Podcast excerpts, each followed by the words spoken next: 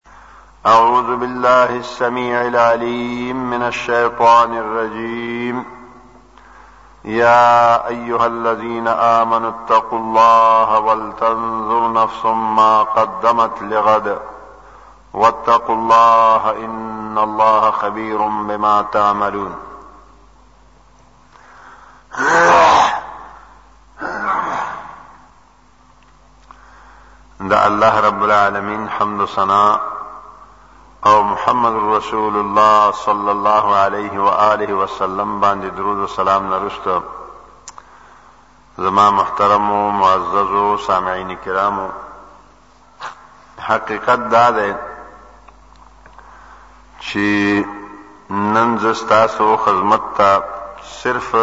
څنګه چې مولوی روح الله صاحب وفرمایل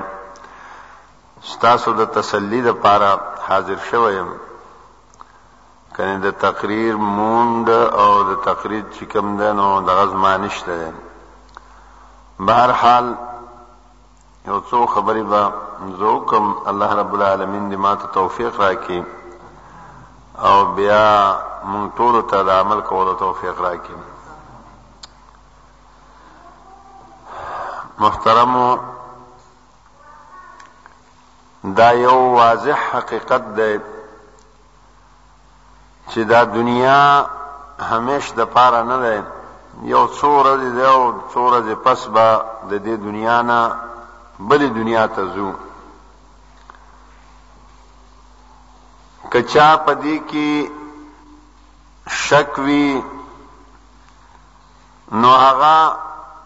ته مونږ لرې خبره نه ورته ښیو چی رسول الله صلی الله علیه وسلم او مخکنی انبیاء او صحابه څه شول صرف دومره به وویو چی زمونږ پلاران او نیکونه څه شول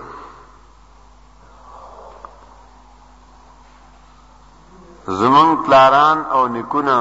اوس زمونږ په مخ کې نشته حالان کې جاوي وو نو معلومیږي دا چې د دنیا کې دا انسانان یو ورځ پیدا کیږي او بل ورځ به د دنیا نزیم خو نیکبخت هغه انسان دی چې په دې دنیا کې کال ژوند وی دوه کال ژوند وی شل کاله ژوند وي، څلوېښت وي، شپېته وي، سل وي، چې څه کار، څه عمل د آخرت دپاره وکړي. رسول الله صلی الله علیه و آله وسلم فرمائی، الکیس من دان نفسه وعمل لما بعد الموت. عقلمند، پوی، نیکبخت هغه انسان دی چې هغه روزانه د خپل نفس سره حساب کوي چې نن ما دا ټول ورځ تیر کړو آیا په دې ټول ورځ کې د الله د رضا لپاره مې زیات کار وکړو او که د الله د ناراضګي لپاره آخرت د پاره مې زیات کار وکړو او که د دنیا د پاره خپل فائدې د پاره مې زیات کار وکړو او که د خپل نقصان د پاره چې شپه تیر شي سبای کې دا سوچ کوي چې دا ټول شپه تیر شو آیا په دې شپه کې ما څو کړو ددې محاسبې سره سره وعامله لما بعد الموت مرګ نه رسته چې کم ژوند دی د هغې د پاره عمل وکړي دقه انسان عقل مند دی دغه انسان پوی دی رسول الله صلی الله علیه و آله وسلم هغه انسان ته عاقل او پوی نه دی ویلی چې هغه د دنیا په کاروبار باندې دنیایي معاملاتو باندې خپويږي یا نن سواله کې چې ساينسي دور دی په دې کې نوي نوي ایجادات کوي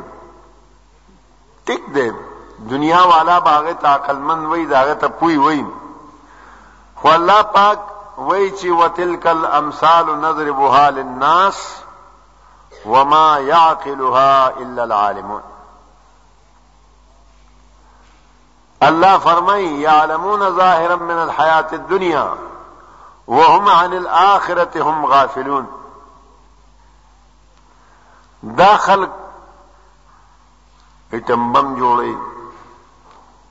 سپوږمۍ ته خېژي، نور داسې نوي نوي ایجادات کوي. الله فرمایي یعلمون ظاهرا من الحیات الدنیا ژوند د دنیا کې هغه ظاهري اسباب چې کوم دی نو په هغې باندې ښه پوهېږي خو آخرت نه غافل حالان کې اصلي ژوند او د همیشګي ژوند آخرت دی دنیا کې مونږ ډېر شیونو د وجنه څوک وټونه وګټي نو وای کامیاب شوم څوک وزارت چاته ملاو شي وای کامیاب شوم څوک وزیر اعظم شي وای کامیاب شوم څوک څه شي شي څوک څه شي شي کامیاب شوم خو الله تعالی هغه ته کامیاب نه دی ویل الله وای فمن زحزح عن النار وادخل الجنه فقد فاز کامیاب هغه انسان دی چې جهنم نه خلاص کړی شي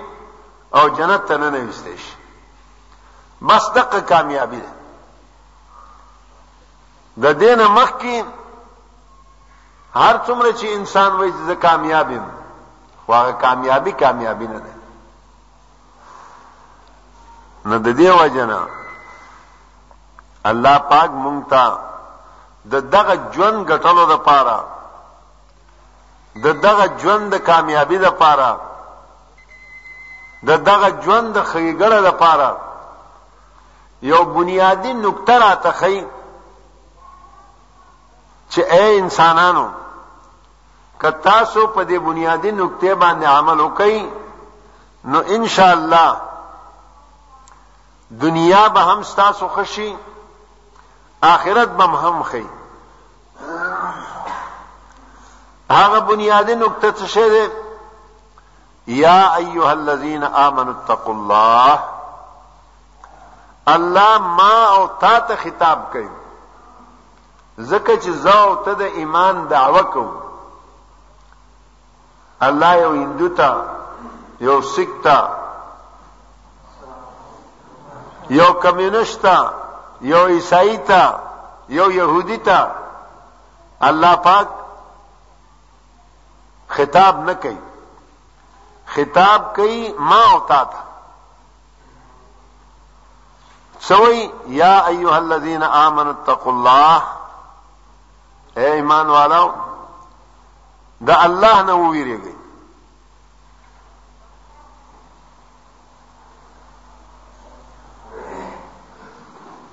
دا دا اللہ نہ ویرا دا بنیادی نقطہ دے چھ انسان د آخرت دپاره کار کولو دپاره آماده کیږي چې د الله ویره د الله خوف د انسان په زړه کې راشي نو هغه د آخرت ژوند دپاره آماده شي او آخرت ژوند په څه جوړیږي د الله په احکامو د الله د اوامرو په امتثال د الله تعالی د نواهیو نه اجتناب په دې سره د انسان آخرت جوړي او د الله تعالی د اوامرو امتثال د نواهیو نه اجتناب انسان کله کولای شي الا چې د الله نه یریږي دا الله خوف پزړه کوي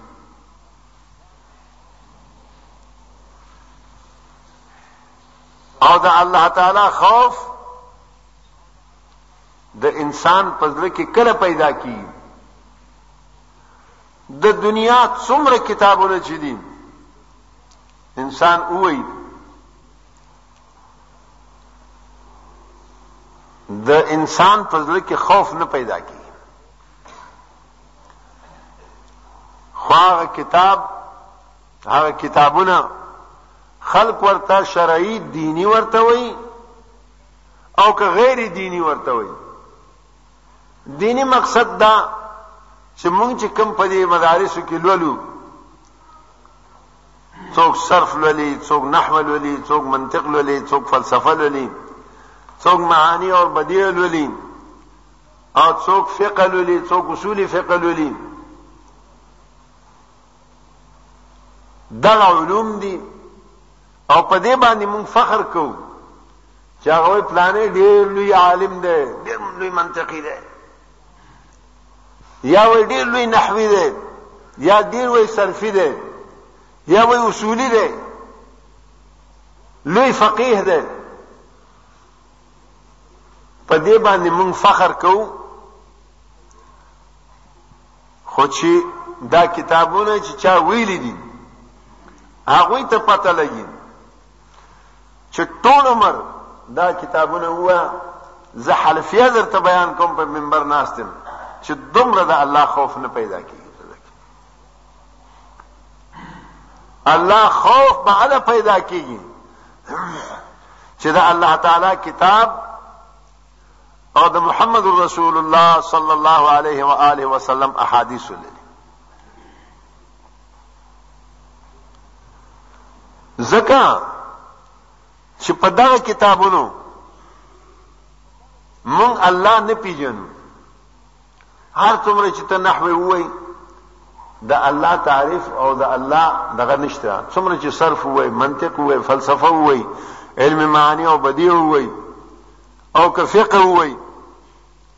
د الله صفات د الله عظمت د الله لوی د الله تعارف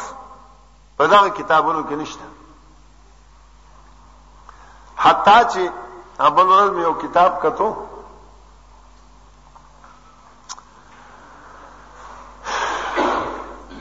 دغه کتاب نوم د بحر الرائق د فقه کتاب دی خیر دې مې لګاو بحر الرائق د فقه کتاب دی غالبا جلد خو ښه یاد راته یاد دی چې څلورم جلد دی 120 دی او که 140 صفحه دی کتاب المرتدین کې لیکي چې یو سړی وي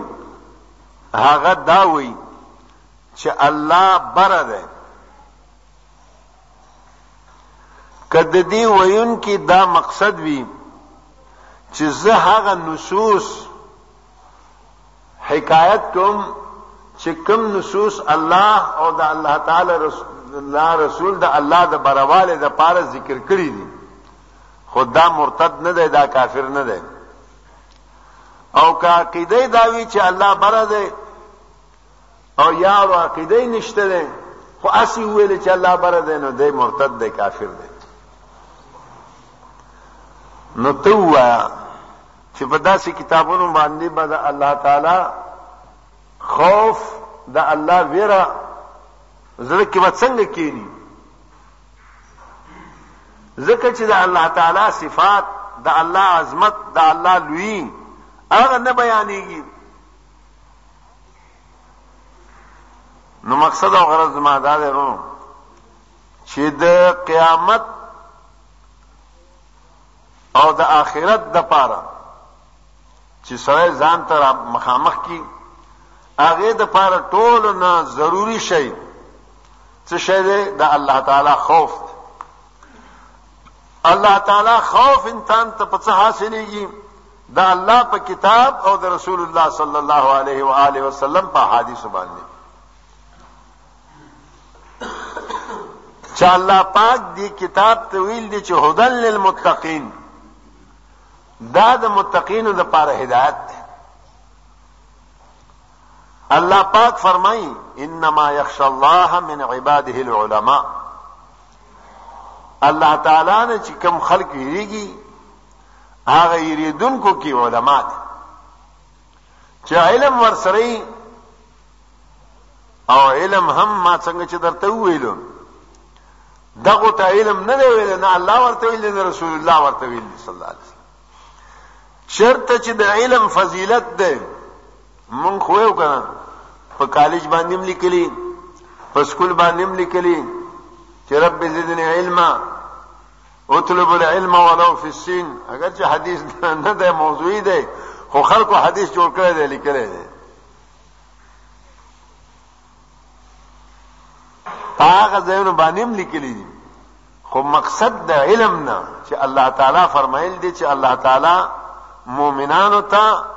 او بیا خاص کر په مؤمنانو کې اهل علم ته درجه ورکړي دي د دغه درجې نه مراد هغه علم دی چې کوم د قران او د سنت علم دی او د قران او سنت علم چې نوي هغه بیا هیڅ علم نه دی دغه وجه ده چې په دې ملک کې ډېر قاضیان مفتیان بزرگان او مازونان ډېر تیر شوي دي خلک وایي چې دلته مولوي صاحب و هغه ته ډېر خلک به راته دنیا به ورته ماته وه وایي لوی عالم او چې وګوري بدعات شرکیات هر څه کې به چې کوم نن وخت دی وجه څه شی وجه دا چې د قرآن او د سنت علم نو که زیاد نه زیاد چا سره د حدیثو کتاب به مشکات ته ورسېد. په هغه هم غریب پوهېده یا نه پوهېدو خو د تبرک دپاره به مشکات یې ښه او په تفاسیرو کې زیات نه زیات جلالین به ورسره وو.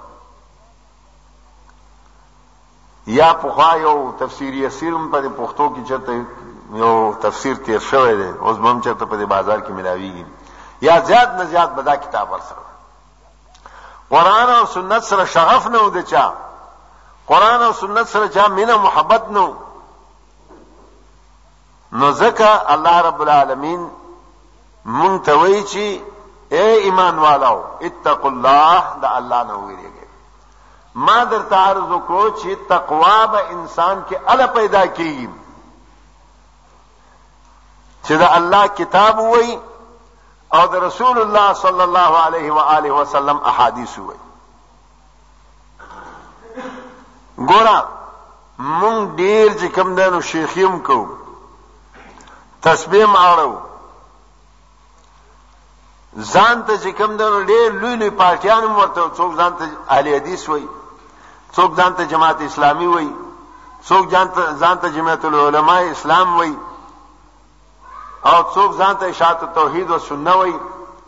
څوک ځان ته تبلیغیان وایي خو مونږ په دې ټولو کې چې الله تقوا د الله ویره او د الله خوف نه راځي وجه څه شي وجه دا ده چې مون کتاب او سنت ورسته کړی دی کتاب او سنت هم ورسته کړی دی دا کم پارټي سره چې زمونږ نسبت ده هغه مخکې کړی دی که زه ځان ته اهل حدیث ویم قرآن او سنت په هغه نقطې سره ګورم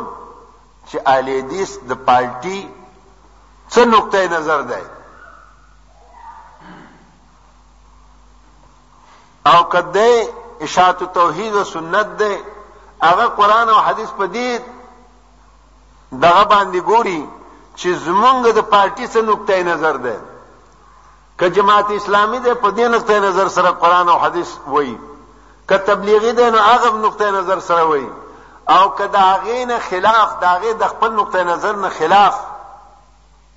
که صریح حدیث وي صریح د قرآن آیات وي هغه د پاره به آنې باندې جوړي چې د دا مطلب ده د دغه مطلب ده د هغه مطلب ده او هغه حدیث او قران صریح نسته باندې راځي او کتاج نشاندهی وکړو چې الکه ته ځان ته دا وایي خو دا د دې نس خلاف دی دا د دې قران او د سنت د نس خلاف دی بیا به تا سره دښمني وای زمونږ د پارټي خلاف کړی دا زمونږ د پارټي دشمن دی حالان کې نه د پارټي دشمني نه د هغوی خلاف دا الله کتاب دی که زه په غلطه یم زما خلاف دی که ته په غلطه نو ستا خلاف دی او که یو هندو او سکھ دی هغه په حق باندې په یو مسله کې مثلا نو قران او سنت داغه تایید کوي یو مسلمان په هغه مسله کې خلاف وي قران او سنت داغه تایید نه کوي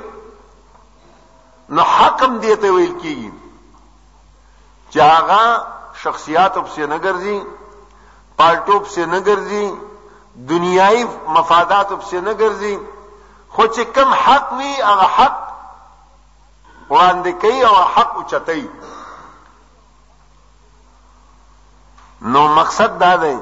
چې مونږ کې تقوا او د الله خوف چې نه پیدا کیږي صرف د دې وجه نه چې مونږ که یو حق بیانو نو هغه هم صرف دی وجنه نه چې د الله دی ویری دی وجنه دا باز خلق وای صرف اپنی ذہنی اور مسلکی جذبات کو تسکین دینے کے لیے دا چې کوم لګیای صرف هغه خپل جذبات ذهني جذبات او مسلکي جذبات ته سکون ورکولو لپاره چې دا بل لک ټیټ شي دا بل چې کوم نه لک شرمنده شي دا بل لک داسې شي او زه چې کوم نه اوچت شم زما دادا له اوچت شي نو په دې باندې الله رب العالمین خوشحالي ګینا الله راضي کیږي نه لکه تاسو ته پته ده چې jihad څومره اوچت عمل ده jihad نه اوچت عمل په اعمالو کې زکه چې jihad د وجنه د په الله باندې ایمان په رسول الله باندې ایمان په آخرت باندې ایمان قران باندې ایمان او اعمال صالحه د دې ترقی او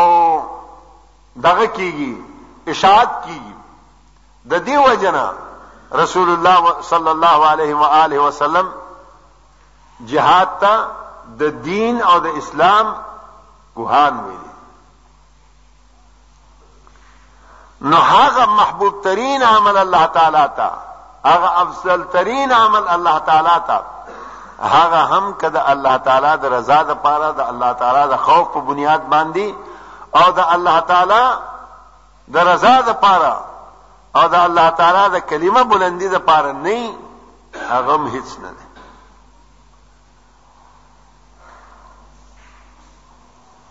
هغه هم هیڅ نه دی چې جای چې په منبر کې اوسره خبرو کی یا په یو ځای کې واعظ نصیحت کوي یا یو کتاب لیکي که انسان په ځل کې صرف د مسلکی جذبات او تسکین مقصد وي د دې هیڅ ثواب نه کی مولا علی قاری رحمه الله یو کتاب لیکل دی مرقات ورته د مشکات شرح لیکل دی نو هغه په دې دیباچه کې مقدمه کې داسې خبره کړې ده چې دا کتاب مې ځکه ولیکلو چې اکثر خلک داسې وایي چې د حنفیانو سره څه دلایل نشته نو ما دا کتاب ولیکلو د لپاره چې د حنفیانو دلایل را جمع کم چې خلکو ته پته ولګي چې حنفیانو سره دلایل شته یو بل نر پر هغه په هغه ځای باندې پاس په حاشیه باندې په قلم لیکلو چې دې مولا سه وټکه ثواب نه لري شوی ځکه چې د الله لپاره دا کار نه دی کړی وای صرف د حنفیانو لپاره دلایل فراهم کولو لپاره د کار کړی دی لهدا ټکی ثواب نه دی شوی نو اسیم المعروف کوم عمل چې مونږ کوو کاغه کې د الله خوف اخلاص او للهیت نه نو هغه عمل عمل نه دی ځکه الله مونږ ته فای فرمای یا ایها الذین آمنوا اتقوا الله اے ایمان والو د الله نه ویریږئ چې ته د الله نه ویریږې نه داغه نتیجه بچي پتا به اثر څوکي د الله خوف به په تا باندې څه اثر وکړي ولتنظر نفس ما قدمت لغد هر یو نفس دې دا خیال وکړي فکر دې وکړي سوچ دې وکړي چې زه سبا یې د پاره څه وړاندې لګم سبا ورځ د قیامت د پاره څه وړاندې لګم د خوف د وېرې د خشیت اثر به دا وي چې ته د هغه ځای دپاره څه کوشش وکړي، د هغه ځای دپاره څه سوچ وکړي، د اخرت په باره کې څه سوچ وکړي. بیا الله وایي واتقوا الله ان الله خبیر بما تعالی تعملون د الله نه ویریږئ دنیا کې چې ته هر حرکت کوي هر عمل چې کوي هر کار چې ته کوي په هغه الله تعالی خبردار دی فینبئکم بما کنتم تعملون وی چې الله خبردار دی نو الله تعالی به ستا د ذرې ذرې خبر در درکوي چې دا دې کړی دا دې کړی دا دې کړی د دې وجنه الله فرمایي تاسو د الله نه ویریږئ نو زما محترم او معززو زمونږ نه اکثر مرګري خپم شي چې مولوي صاحب راشي نو خبرې ټول مونږ ته کوي نور خلکو ته خبرې نه کوي ما زه دا وایم چې مونږ خپل اصلاح نه کو نو په بل په اصلاح باندې زمونږ څه یو تبلیغی رورو هغه یو خبره کوله وای د امت غم دی را سره وای امت غم دی الکه ستا سره د امت غم دی د ځان غم خو مو کنه وای په دې کتاب کې موضوعي حدیثونه دي او ضعیف حدیثونه دي وای په دې باندې دا خلک مایل کیږي او رسول الله صلی الله علیه وسلم څه فرمایي چا چې زبردستی په ما باندې درو وویلو هغه جهنم کې ځان د پاره ټکانو ځای جوړ کو چا چې د یو حدیث بیان کو چې هغه ته پته و چې دا موضوع دی دا معنی دی ویل هغه هم د دوه دروغجنو نه یو دروغجن دی نو یو سره خپل جهنم ته ځي او بل د جهنم نه خلاصي دا خو څه عقل مندي نه دی ګرځي الکه کوشش دا وکا چې ځان هم د جهنم نه خلاص کړي او بلم د جهنم نه خلاص کړي الله دا نه دی ویلي چې تبل خلاص کا او ځان جهنم ته بوزا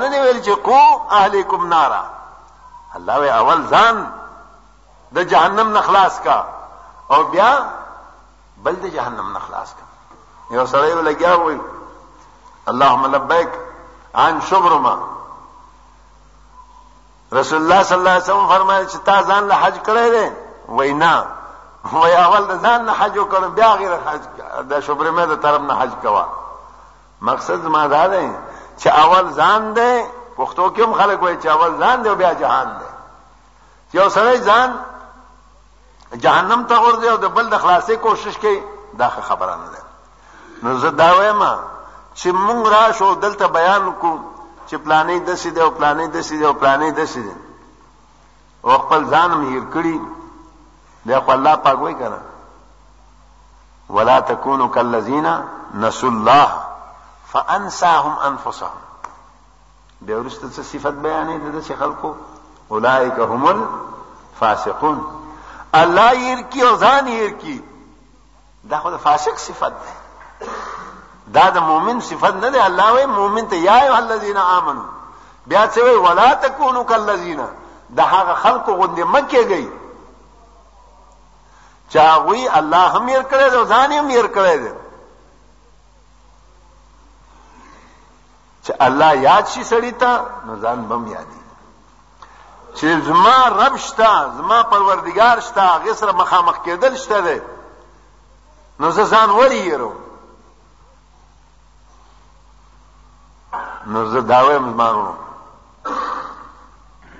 عمل پکار دی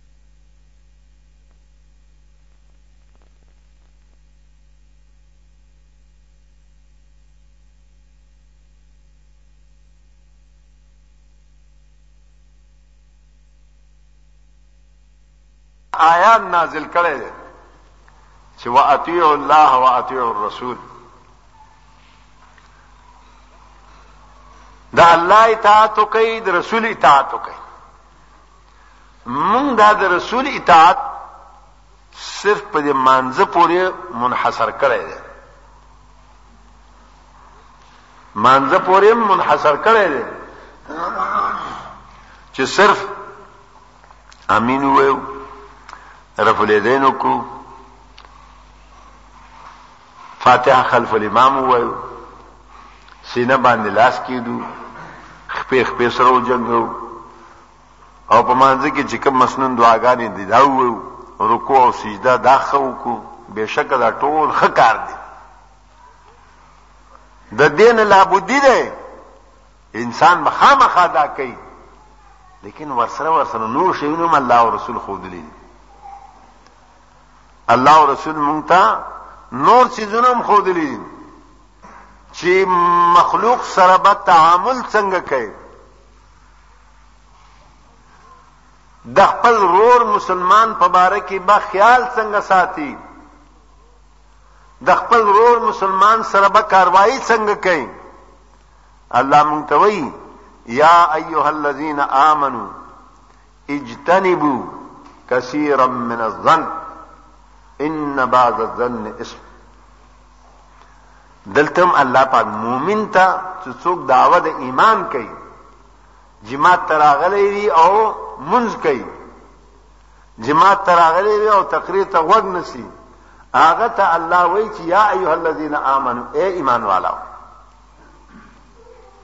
اجتنبوا کثیرا من الظن ډیر ګمانونو نه ځان وساتئ بدګمانیانې په چا باندې مه کوئ ځکه چې بعضې ګمانونه داسې دي چې هغه ګناه دی که چا باندې نیک ګمانو کې خوښه خبره ده مطلق ځن ګناه نه دی خو چې بدګماني کوي ځکه الله ویلی چې ان بعض ظن اسم بعضې ګناه بعضې ګمان دا ګناه دی رسول الله صلی الله علیه وسلم فرمای ایاکم وظن فان الظن اکذب الحديث تاسو ځان ساتي د بدګماني نه ځکه چې دا بدګماني د ټولو دروغ خبرو نه زیات دروغ جنا خبره ده ځکه چې د دروغ د پاره هم بیا څه نه څه شود بود خوې کړه او د دې وهم او د ګمان خو څه څخ پې نه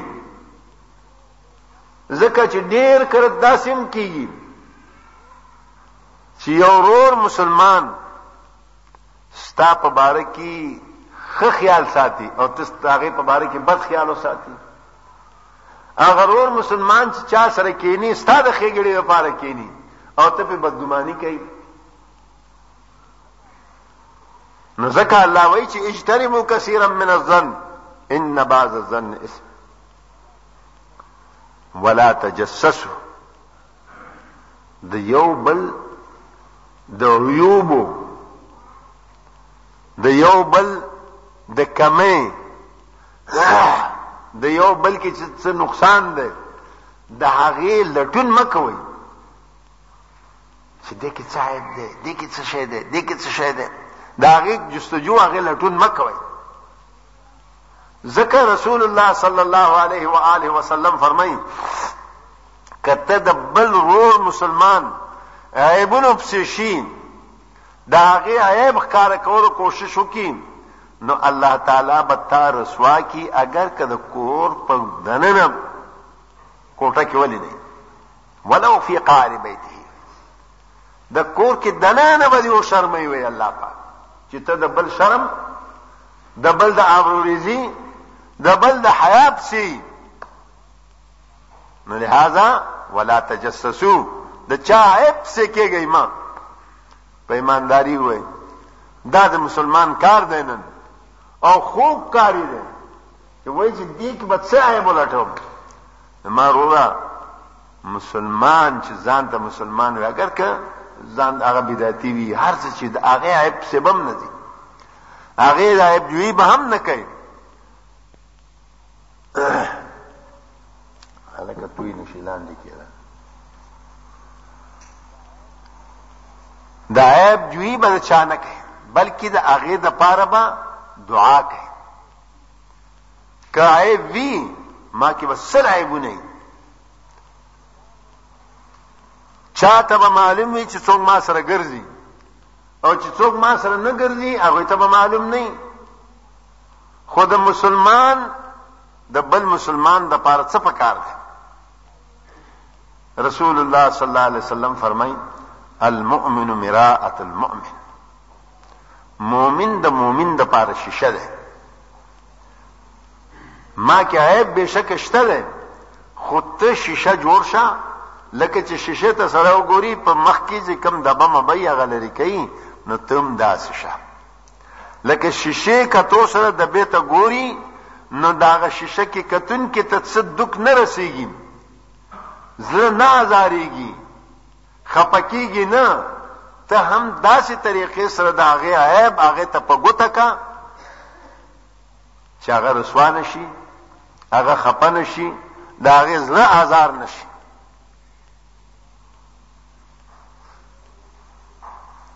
او مونږ خو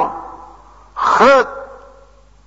یعنی نیک سړی به علی حدیث به ښه غټه غټه ګیره به نیولې ښه تبلیغي به یې ښه موحد به وي خو چې له غوندې چا کې څه شی وویني او په ډاګه ټولو ته هم داسې دا وکړه هغه وکړه یا چېرته نور خو پرېږده که یو ټکی کې غلط شي هلکه انسان د خطایي کېږي خوله یې تېر وته یا یو اعراب چې کوم دی نو غلط ووایي زور زیر کې غلط شي بس هغه په ډنډوره راخسته د اذان ته مولا وای د سی ویلو کنه نو لکه ټیک دی غلط دی کینه وا اجره کې یو پیاله چای ولا ورکا استاد طالبہ رورا دا خبره داسې نه و داسې و ځان لکینه خیر خوای دی ته ویل کی او کډه نورغه گئی او بیا وی چې دا عیب وو کنه پکې ټیک دی عیب خو الله او رسول مونږ په دې نه یو مامور کړی چې مونږ بر سری عام بر سر راه بر سر منبر هغه عیب بیان کو ها دا ضروری دی چې یو مسلمان ورته نصيحت وکا که خشو ټیک دی که خنشو متمرد نوي بیا هم پریدا من ستر مسلمن ستره الله علیه چا چې په یو مسلمان باندې پرده واچولو نو الله تعالی به د په ګناهونو باندې پرده واچي او که هغه انسان متمرد سرکشو لا زیاتې دو داغه سرکشي نو بیا داغه پست پویولو نه بیا بر سر منبر هم په دینیت باندې چې دا نور مسلمانان رونه د ده نه ځان وساتي، په دې نیت باندې ویل پکار دي او که محض د هغې شرمول مراد وي، نو بیا هم موږ ته شریعت د دې خبرې اجازه نه راکوي چې یو مسلمان ورور موږ شرمنده کوو، رسوا کوو، د دې شریعت موږ ته اجازه نه راکوي. د دې وجه نه الله پاک فرمایي ولا تجسسوا ولا یغتب بعضکم بعضا ولا یغتب بعضکم بعضا بعض استاسو د بعضو غیبت دی نه کوي او نن سبا زمون بهترین مشغله چې شی د غیبت ده او نومم څه یې ټوکه ما زما ټوکه کوله ما ټوکه کوله او رسول الله صلی الله علیه و علیه وسلم د داسې ټوکو نه مونږ منې کړیو چې په ټوکو کې د چا ابروریزي کیږي چا رسوایی کیږي هغه ته عزت په دک رسی نو داسې ټوکې بم نه کوي تر دې پورې چې رسول الله صلی الله علیه وسلم فرمایي که یو سړی داسې یو خبره کوي چې خلک په وخندي سر د خلکو خندولو لپاره دا غینم رسول الله صلی الله علیه وسلم موږ منې کړیو د دې وجنه الله پاک وی ولا یکتب بعضکم بعضا او دا مخکنی ټکی چې کوم دی نو الله تعالی ډېر زوردار دی ګوره د دې مثال د غیبت داسې دی وي لکه یو رور مسلمان مړی پروت وي او د هغې نه غوښه پرې کوي او ته خوري غیبت کول او د دې یو مثال دی نو بیا وایي، ایحب احدکم ان یأکل لحم اخیه میتا، ایا تاسو کې څوک دا خوښوي چې د ده رور مسلمان مړ پروت یو د هغې غوښه وخوري؟ هېڅوک نه خوښوي، نو بیا غیبت هم نه دی خوښول پکار چې د مړ رور غوښه خوراک درته ښه نه ښکاري نو غیبت درته څه ښه ښکاري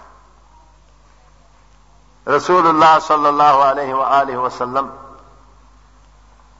نه چاته پوسو کړو اے دا الله رسوله من خو کچته یو سړی کی یو عیب وی هغه بیان کو نو هغه کم څه حرج شته ویل او چې هغه موجود نوي او ته د هغه یو خبره په شیشه کوي اگر چې پاغې کې وي نو دقه غیبت ده او کاغې کې نه وي نو تا خو بهتان ور باندې وتړل دا لا بل ګناه ده بهتان لا بل ګناه ده همدارنګه رسول الله صلی الله علیه وسلم مونږ ته دا ویلي چې چغلي به نه کوي یو بل یو رسول الله صلی الله علیه وسلم فرمایي چې لا يدخل الجنه قطات جنت ته به چغلخور نه ننوځي او بل رسول الله صلی الله علیه و آله وسلم په دوو قبرونو باندې تیرېدل صحابه او تعرض وکړو وی فرمایل چې اے مرګرو دا دې خلکو ته عذاب ورکولای کی خو څه داسې شي کې عذاب نه ورکول کېږي ګنې د هغې نه ځان بچول ځان ساتل څه ګرانو یا ډېر سخت ځان بچول ځان ساتل ډېر اسانو خو دوی ته ځان نه دی ساتلی اما احدهما هر چې دې دوو قبرونو والاو کې یو دی هغه به د خپل متیازې نه ځان نه ساتلو نو د دې خیال وساتئ چې د به د خپل متیازې نه ځان نه ساتو د دې وجه نه د ته عذاب قبر کې عذاب ورکولی کی و اما الاخر هر چې بل دی فیمشي بالنمیمه د به چې کوم دی چغل خوري کوله خبرې به یو بل ته وړل دوه کسان به جنگول دا د مشغله وه د دې وجه نه په دې قبر کې دته عذاب ورکول کی زمارونو دلته علما ناس دي چرته یو حدیث کې هم داسې نه دی راغلی که چاره فلیدین ونه کړو نو قبر کې به عذاب ورته ورکول کی چرته داسې نه دی راغلی چې چاره فلیدین ونه کړو نو جنت ته به نه داخلي لیکن چغلی د پار رسول الله صلی الله علیه وسلم څه فرمایي چې لا يدخل الجنه قطات جنت ته وځي کوم نه چغل خور نه داخلي رسول الله صلی الله علیه وسلم چې د قبر کې عذاب ورته ورکول کېږي ځکه چې د چغلی کاو نو زما مقصد دا نه دی چې زه درته دا وایم چې هلکه دا رفع الیدین ښه شی نه دی رفع الیدین د رسول الله صلی الله علیه و آله وسلم سنت دی که بغیر د دې نه دې مونځ وکړو نو خلاف سنت مونځ دې وکړو او خلاف سنت مونځ تاسو ته پته ده چې پیغمبر علیه الصلاۃ والسلام عمل چې په یو کار کې نه هغه عمل عمل نه دی خو زما مقصد دا دی چې هغه سره سره دا کارونه رسول الله صلی الله علیه وسلم خو دلې د حقوق من خیال نه ساتو یوازې دا حقوق پردې حق نه دی چې پردې حق چې کم دی نو پامال کو حقوق به خیال ساتو اگر که ځان حق وي که د خزي حق وي که د اولاد حق وي رسول الله صلی الله علیه وسلم فرمای ان لنفسك عليك حق وان لعينك عليك حق ستا د نفس پتا باندې حق ده ستا د سترګې پتا باندې حق ده ستا د ملما پتا باندې حق ده ستا د خزي پتا باندې حق ده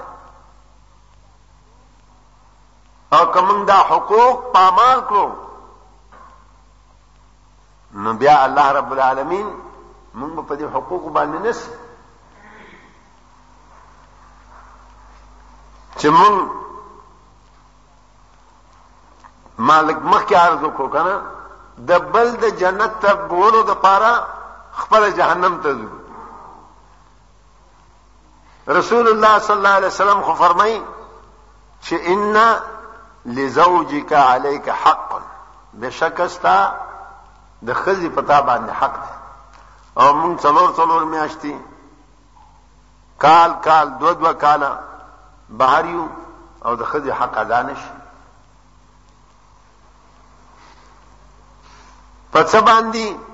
یو حق هم پامال کړو او بل حق او غم د امت دی را سره خپل ځان غم هم نشته د خپل ځان غم مخکې قو انفسکم واهلیکم نارا ځان مخکې او بیا اهل بیا دنیا الله پاک چې مونږ ته دا فرمایلی دي چې ولتکم منکم امه يدعون الى الخير تاسو کې دی یو امت داسې وي چې خلق خیر ته رابلي خیر ته به کله کله رابلي اله چې دی په خیر وي خیر ته به سړی اله رابلي که نه چې خپله په خیر باندې وي که خپله خیر باندې نه وي نو خلک به خیر ته څنګه رابلي دې ته لږ سوچ پکار دی ولتکم منکم امه يدعون الى الخير یو ډله د تاسو کې داسې وي چې هغه خیر ته خلک رابلي نو هغه خیر کې چې زه خپل نه يم نو صبر او بل ځکه الله پاک فرمایي فاعلم انه لا اله الا الله ځان پوي کاول اول علم حاصل کا پس دا غینا بیا نور کار کوه نو دا علم مخ کې دی خیر زده کول مخ کې دی چې خیر زده کی نو دا خیر به خلکو ته ورسي او که خیر دې زده نه نو خلکو ته به څه خیر ورسي نو زما محترم او معززو دا عرض مې درته کوم چې الله پاک وایي یا ایها الذین آمنوا اتقوا الله د الله نه ویریږي د الله نه د ویری اثر داوی چې سړی د ګناهونو نه اجتناب وکړي ګمانونه چاپ سي نه کوي غیبت نه کوي چا عیب نه لټي چغلی نه کوي چا حقوق نه پامالي رسول الله صلی الله علیه و آله وسلم فرمایي چې چا چې د کم رور مسلمان باندی د بل مسلمان ورور مظلمه وی څه مطلب څه حقوق وی فليتحلله من قبل ان ياتي يوم لا درهم فيه ولا دينار مخکې د داغه تحلیل تحلل کی هغه دی ولور کی یا دی ور باندې وبخي دا سه ورځ راتلونه مخکې مخکې چې پاره کې باندې به درهم وي او نه به دینار وي پیسې ټکه بالته نه بیا به څه ورکه رسول الله صلی الله علیه و آله وسلم یو واری د صحابه ناس ورته ویل چې تاسو ته پته دی چې مفلس څوک دی په تاسو کې مفلس څوک دی صحابه ورته کو چې دا الله رسول مفلس په مونږ کې هغه څوک دی چې دا غیڅ درهم او دینار ورسره نه رسول الله صلی الله علیه وسلم فرمایلی چې نه حقیقتا مفلس هغه څوک دی چې هغه منظم کړی روجیم نیولې دي زکات هم ورکړی دي حج هم کړی دي موحد هم وی تبلیغی هم وی اهل حدیث هم وی اشاعت توحید هم وی جماعت اسلامی هم وی او جماعت العلماء هم وی هر څه وی چې څومره ډیګریانی وی دا ټول ورکی وی لیکن ضرب هذا یو ته څپېړه ور کړی دی وشتم هذا بل ته کنزل کړی دی وهتک الا هذا او د دې بلی ابروریزی کړی دی واکل مال هذا د دې بلی مال خړلې دی وای فذلک المفلس او کما قال صلی الله علیه وسلم وای مفلس دا دی څنګه مفلس دی د دې دا اعمال به واخسته شي د دې چا سره چې د زیاتې کړي دي حج روزه زکات تبلیغ ها دا ارڅ چې دا ټول باغه حقوق والا او تور کړی شي که هغه حقوق پوره شو خو ډیره ښه بیا مفلس شو چې د ته صفات نه که حقوق یې پوره نه شو، د هغوی ګناهونه به راواخیستل شي او د ده په ذمه به واچول شي او جهنم ته به وغورځول شي. الله دې موږ وساتي. نو د دې نه زیات چې کوم دی نو دغه څه کېدای شي سختی او د دې زیات افلاس او مفلستوب څه کېدای شي نو زه دا وایم مارونو چې د دې شیزونو خیال ساتل پکار دی حلال او د حرامو تمیز پکار دی پردی او خپل تمیز پکار دی چایا دا مال زخرم دا مال زګټم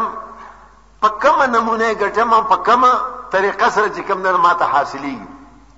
رسول الله صلی الله علیه وسلم فرمایي چې قیامت په ورځ د انسان خپې به د ځای نه نه خوځېږي تر څو چې د پنځو یا څلورو څیزونو په باره کې تپوس نه شي هغه پنځو یا څلور چیزونو کې یو وعن مال من اين اكتسبه وفيما انفقه چې د کم ځای نه ګټلې په کومه طریقه ګټلې او وفيما انفقه بیا خرج چرته کړای مون خدا وای چې خپل مال دې ما چې څه کوم نه مال دې دی خو تا نه به الله تپوس کوي چې هلکه په ډمتوب دې ګټلی دی په ویسیارونو دې ګټلی دی او که په ټیویانو دې ګټلی دی په ګډا دې ګټلی دی په دروغو دې ګټلی دی په رښتیاو دې ګټلی دی په حرامو دې ګټلی دی په شرابو دې ګټلی دی په جواری دې ګټلی په کومه طریقه دې ګټلی دی دا تپوس به درنه کوي او بیا به درنه تپوس کوي چې لګولی دی اوس کوم ځای دی نو د دې ټولو چیزونو موږ په دې حیثیت سره چې موږ اهل حدیث یو د دې چیزونو خیال ساتل پکار دی نو موږ کې به تقوا ال راضي چې دا شیونه موږ خیال وساتو د دې څیزونو او که د دې څیزونو خیال نه ساتو اسې لګیا یو که ځان ته اهل حدیث وایو او که ځان ته اشاعتیان وایو او که ځان ته بل څه وایو په دې صرف وینا باندې کار نه کیږي کار اله کیږي چې انسان داغه هغه مغز ته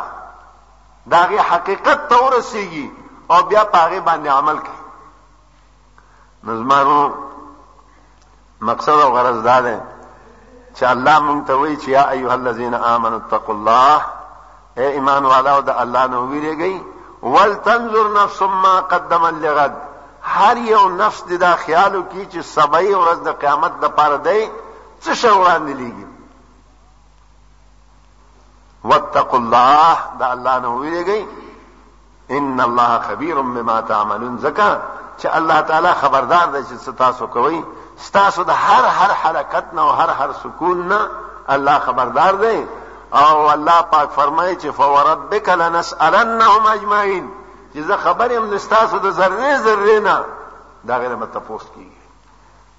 الله رب العالمين دې مونږ ته د عمل کولو توفیق راکړي اقول قولي هذا واستغفر الله لي ولكم اجمعين سبحان ربك رب العزه عما يصفون وسلام على المرسلين والحمد لله رب العالمين هر قسم اسلامی کیسټو د ملاویدو پتا یاد ساتي ایوب اسلامی کیسټ مرکز د قصه خوانی بازار شاته پیښور خار فدعا ربه